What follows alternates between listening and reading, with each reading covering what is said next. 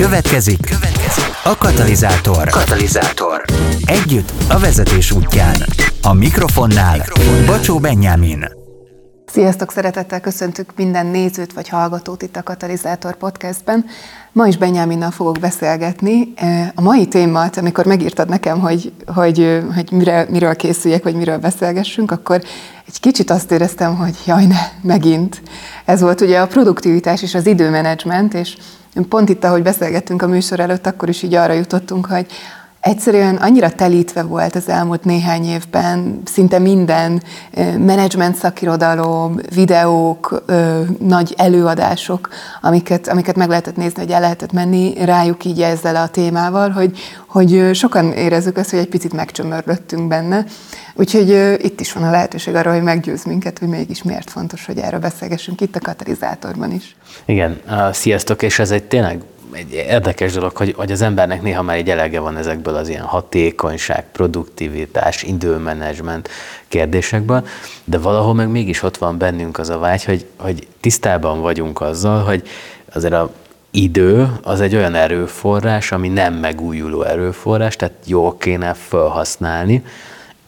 Én azt szeretem mondani, hogy jól kellene befektetnünk ebbe az életbe, és akkor valahogy ezt szeretnénk hatékonyan, hatékonyan befektetni.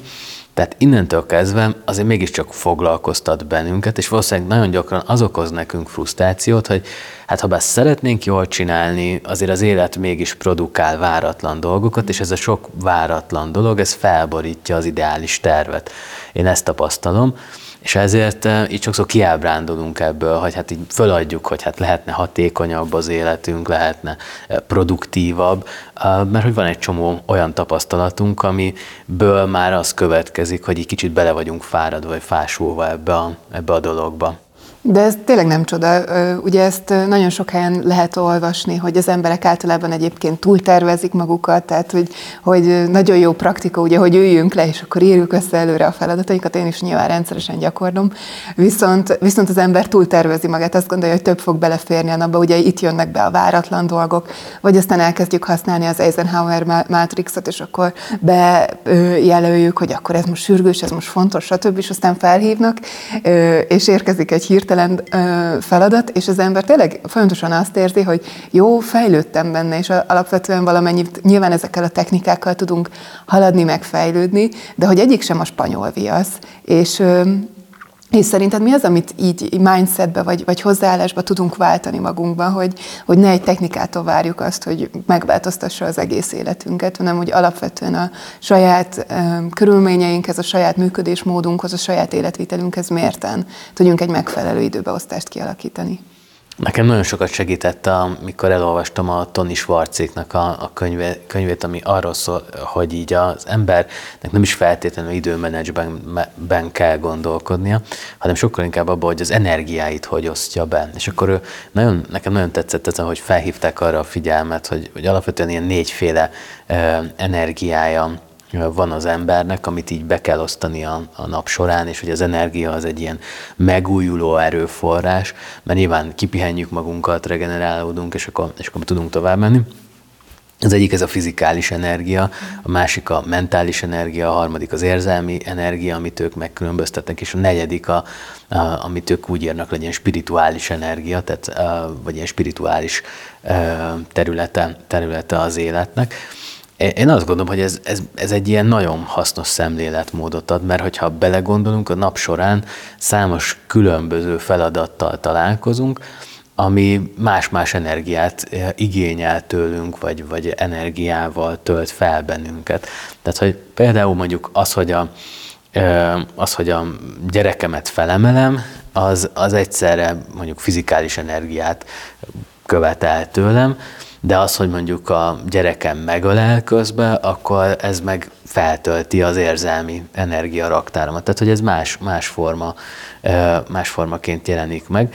És én azt szoktam tanácsolni azoknak, akikkel így beszélgetünk erről, hogy érdemes csinálni az embernek egy ilyen energia auditot, hogy mennyi, milyen tevékenységeink vannak a nap során, és hogy ezekre milyen energiákat fordítunk, mennyire feltöltő az adott tevékenység, vagy mennyire éppen ilyen, ilyen kiszárító, ami, ami energia szempontból így, így megjelenik. És akkor azt az ember összerakja, akkor nagyon hamar rájön arra, hogy miért érez folyamatos fáradtságot egy nap után, mert hogy nagyon gyakran rájön arra, hogy, hogy így a, a reggeltől, ahogy fölkeltem, egészen estig, folyamatosan csináltam a dolgomat, ez kivett egy csomó fizikális energiát, komplex feladatok voltak, projektek voltak, gondolkodni kellett, mentális energiát, összevesztem, a, vagy egy vita volt a kollégákkal, uh, otthon a családba, és ez vitte az érzelmi energiát, és akkor reggel mondjuk nem sikerült egy kicsit uh, keresztény értelembe véve áhítatot tartani, kicsit így uh, elgondolkodni, úgyhogy spirituálisan vagy lelkileg is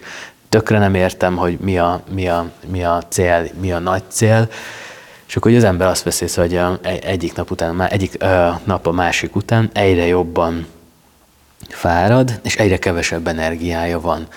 És ez szerintem nagyon hasznos, amikor az ember így megnézi, hogy milyen tevékenység, milyen energiákat igényel tőle, és hogy ez mennyire fárasztó, vagy mennyire nem.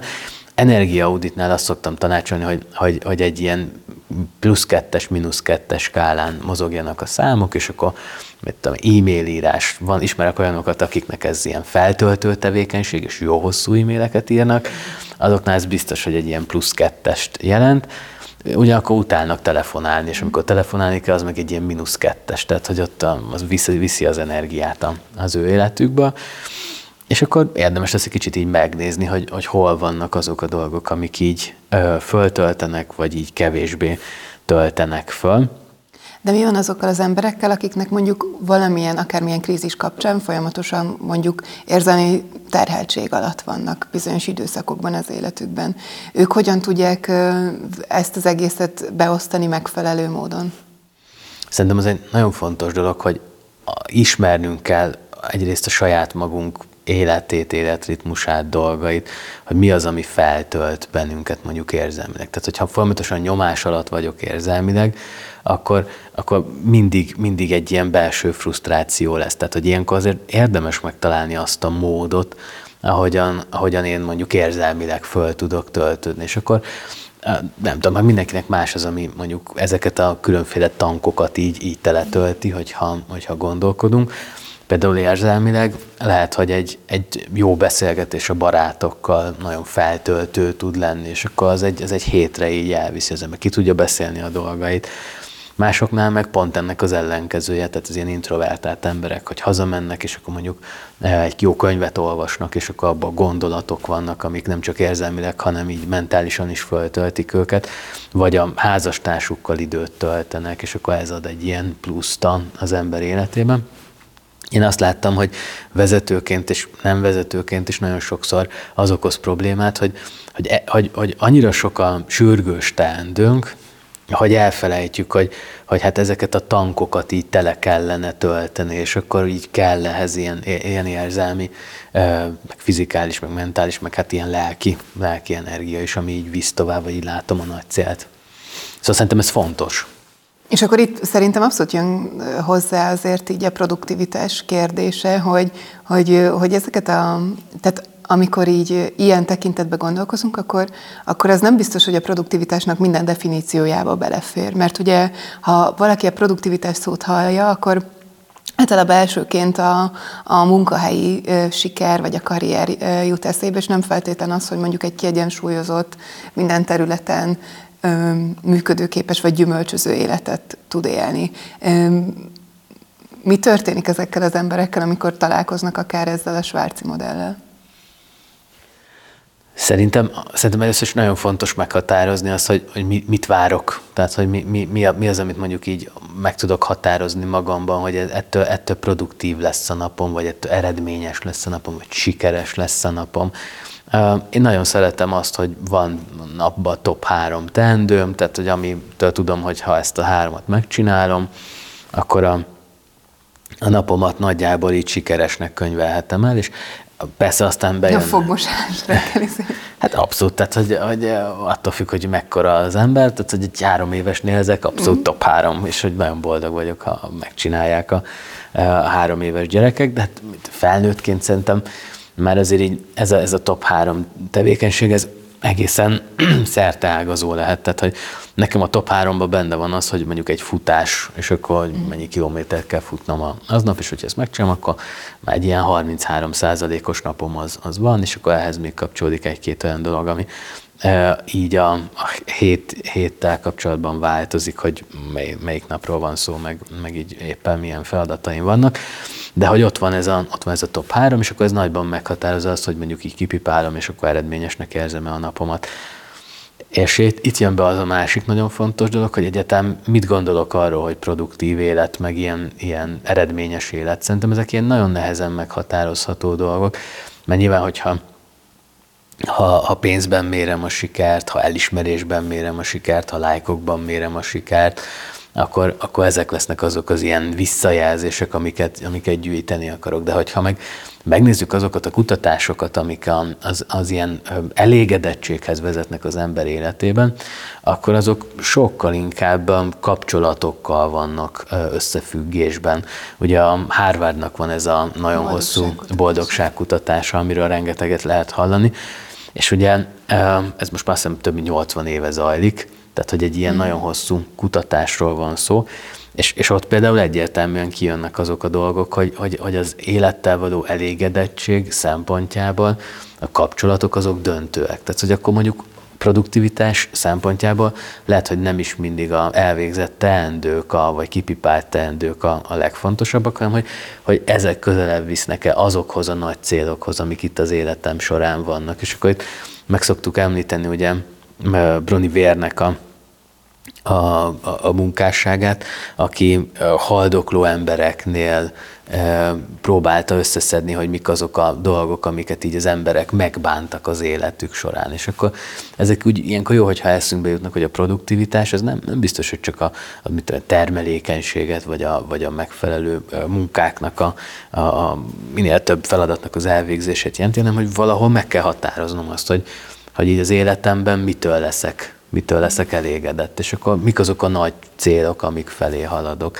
És ezek az apró kis napi dolgok, ezek közelebb visznek el ahhoz a nagy célhoz, ami van. És szerintem itt jön be az, amiről így elkezdtünk beszélgetni, hogy ez a lelki vagy spirituális um, dolgok, hogy, hogy ezek szerintem nagyon fontosak az ember életében, mert ha ezek a helyén vannak, uh, és, és van egy ilyen energiám, tudom, hogy merre tart az életem, tudom, hogy így mik azok a nagy nagyon nagy elvek, amik mentén élem az életemet, akkor ott igyekszem, igyekszem majd e, ehhez hozzárendelni a napi teendőimet is. Te hogyan definiálnád egyébként a produktív életet? Az én szempontomból ez egy nagyon egyszerű mondatban összefoglalható.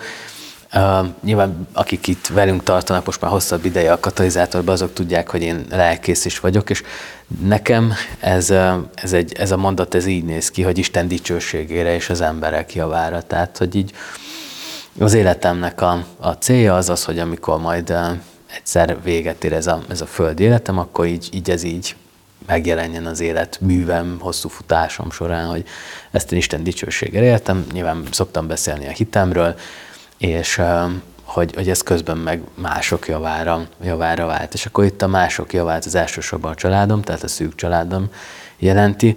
A legelső sorban is a feleségem, akivel szeretném azt, hogyha amikor arra gondol, hogy így most már hosszú ideje vagyunk házasok, akkor akkor tudná azt mondani, hogy ez, ez tényleg én segítettem őt, kibontakoztak tathatta a képességeit, lehetőségeit, és amikor visszanéz majd az életére, akkor azt tudja mondani, hogy ezt még élvezte is közben. Szóval, hogy nekem feleségem melez, gyerekeimmel ugyanez, hogy így, így, így azt, azt látni, hogy a, hogy a, a lányaim életére is ilyen pozitív hatással, pozitív hatással voltam, és közben meg olyan élményeket gyűjtöttek, amik így, így a értékeink mentén nagyon fontosak. Tehát, hogy nekünk nyilván van, van pár olyan érték, amit így kiemelten kezelünk, és hogy ezt így ők, ők tudják, és akkor utána jön minden más ezeken, ezeken túl, hogy a munkatársaim, a legszűkebb munkatársaim, akikkel együtt dolgozok, aztán a, a, így, a, így a nagy, nagy közösség, akik, akiknek meg valamilyen módon hasznos lesz a, az életem. Ez egy picit kapcsolódik ahhoz is, amit akár Heidegger mond így azzal kapcsolatban, hogy a valódi értékeink ugye akkor nyilvánulnak meg, hogyha előre futunk a halálunkhoz, és onnan tekintünk vissza. Illetve Stephen Covey, Covey is ír erről ugye a sikeres emberek, vagy a kiemelkedően eredményes emberek hét szokásában, hogy, hogy igazándiból ez a kérdés, hogy, hogyha amikor előre futok és visszatekintek, akkor mit szeretném, hogy mondjanak róla, mondjuk például a temetésemen, ami egy picit nyilván morbidnak is tűnik, de közben pedig ott van benne az, hogy e- ez az, ami megméri így az értékeinket. Ez talán egy olyan gyakorlat, amit mindenkinek érdemes lehet megcsinálni. Szerintem abszolút. Ezért szokták ezt nagyon sokszor így, hogy valóban mit szeretnél, hogy a sír feliratodon legyen, meg hogy így gondold végig, mi hangozod el a nekrológodban. Ez, ez abszolút szerintem ez egy ilyen nagyon hasznos dolog, kicsit morbid, de hogy ettől nagyon, nagyon hasznos tud lenni. Abszolút. Itt ugye az időmenedzsment kapcsán azért még arról érdemes beszélnünk, hogy akkor hogyan lehet ez a rengeteg technika, módszer, elmélet között, amiben egy picit talán meg is fulladunk néha. Nyilván vannak olyanok, akik pedig megtalálják a sajátjukat, és azt érzik, hogy fú, most, most nagyon ott vagyok, és nagyon haladok, és nagyon hatékony vagyok. Hogy lehet kialakítani a sajátunkat? Itt már beszéltünk ugye ezekről a, erről a, az energia területekről, amiket érdemes megfigyelni önmagunkban, azt, hogy az értékrendünkhöz csatolni. Te például ezt hogyan, hogyan építetted ki saját magad számára? Nyilván ez, ez nagyon erősen függ attól is, hogy mondjuk ki milyen jellegű munkát végez. Uh-huh. De itt ugye elsődlegesen vezetők hallgatnak minket, tehát hogy lehet, hogy mondjuk olyanok, akiknek kicsit rugalmasabb az időbeosztásuk. Igen, vagy, vagy nagyobb, nagyobb felelősségük, vagy lehetőségük van abban, hogy hogy alakítják ezt. Szerintem az egy nagyon fontos dolog, hogy, hogy, hogy a azok a módszerek, amik, amik így rendelkezésünkre állnak, ezek, ezek alapvetően tök hasznosak, csak nem biztos, hogy a mi számunkra hasznosak. Tehát, hogy meg kell találnunk azt a módot, ahogyan, ahogyan az, azt mi jól tudjuk alkalmazni. Tehát, hogy ebben is szerintem a személyiségtípusok között simán lehet különbség, akkor az embernek a, a, a működés módjában is simán lehet különbség, tehát hogy ezer, ezerféle oka lehet annak, hogy mondjuk egy módszer működik, vagy nem. De, de hogy alapvetően szerintem az egy, ez egy fontos dolog, hogy azért valamiféle rendszert használjon az ember, tehát hogy, hogy akár a GTD-t, akár a, nem tudom, az ideális hetet, akár, akár tehát hogy van egy csomó módszer, amit így Eisenhower Matrix, tehát hogy bármi, ami, amit így, így, így, így hasznosnak tartunk, azt alakítsuk ki a saját rendszerünket. Én azt is észrevettem, hogy, hogy ugyanakkor meg nagyon gyakran ilyen maximalisták vagyunk magunkkal szembe, hogy, hogy látunk egy módszert, és akkor már holnap szeretnénk azt, hogyha működne. De hát ez is olyan, hogy így meg kell tanulnunk azt a módszert, be kell vezetnünk az életünkbe azt a módszert, és biztos, hogy hibázni fogunk, tehát hogy ezt a fajta hibát így belekalkulálni már a tervezésben. És akkor van egy ilyen tök jó mondás, ezt nem régen mondta valaki, hogy aki nem tervez, az bukás tervez. És néha tényleg így van, hogy aki, aki nem tervez, az ugye gyakorlatilag nem tudja, hogy, hogy akkor hova szeretne eljutni, tehát hogy egy ilyen minimális terv, irány, az, az szerintem nagyon fontos.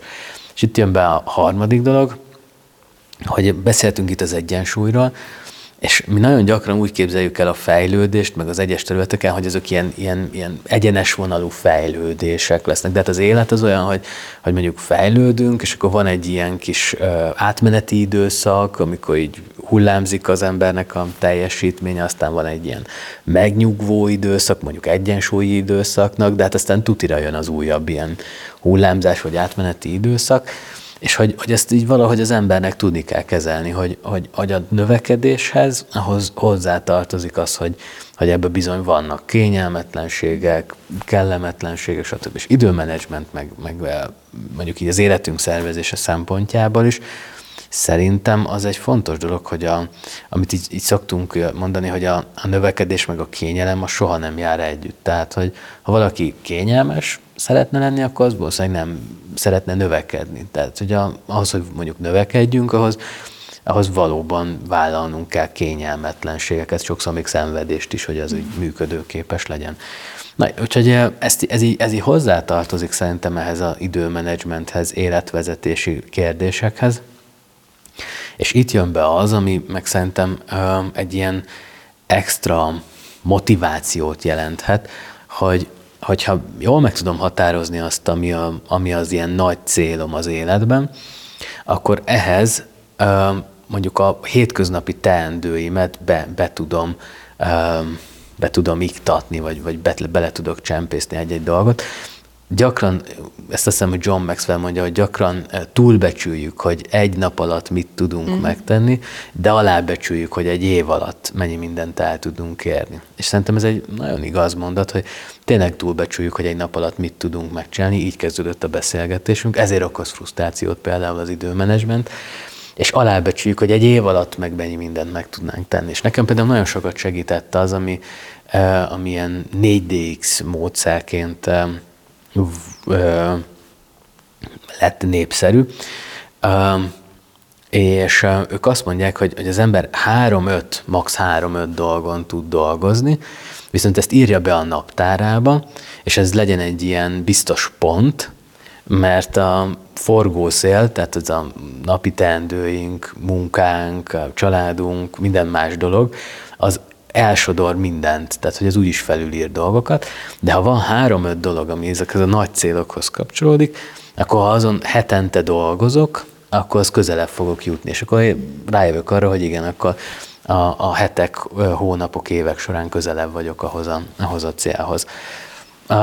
Nekem ilyen például az, hogy, hogy én, én szeretek mondjuk olvasni, meg futni, és akkor vannak ilyen célok, hogy, hogy mit, mennyi oldalt szeretnék elolvasni, meg hány könyvet, meg hány kilométert szeretnék lefutni, hányat kell lefutni ebből havonta, és körülbelül hányat kell lefutni ebből hetente. Persze van, hogy megsérülök, persze van, hogy nincs annyi időm olvasni, és akkor ilyenkor ezeket a terveket kicsit módosítani kell, de hogy év végén tök jó oda megérkezni, ahol szeretnék lenni. És megérkezel egyébként? Az esetek döntő többségében megérkezem oda, ahova szeretnék. Az olvasással vagyok egy kicsit hadilában.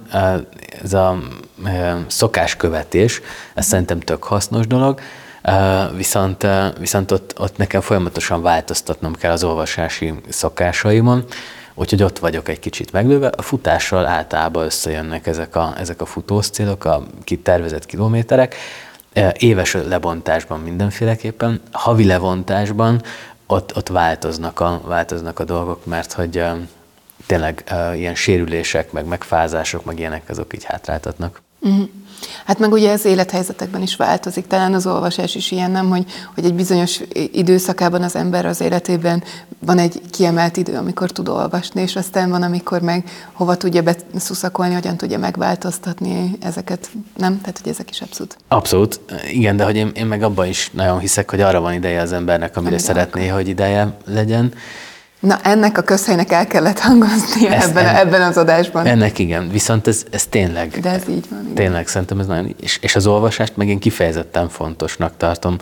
Viszonylag sokat beszélek, más emberek előtt, meg más embereknek, meg szeretnék más embereket építeni, és nekem is nagyon nagy szükségem van arra, hogy, hogy megfelelő inputok érkezzenek be az életembe, hogy aztán megfelelő legyen az, amit szeretnék elmondani. És ezek, ezek az új gondolatok, ötletek, minden, amit olvasok, ez, ez, ez, nekem, ez nekem nagyon kell ahhoz, hogy legyen, a, legyen megfelelő output az életemből, ami így, ami így megjelenik, akár egy ige hirdetés, akár egy konferencia előadás, akár minek a, a keretében. Szóval hogy ezt, ezt meg így viszonylag tudatosan föl kellett építeni.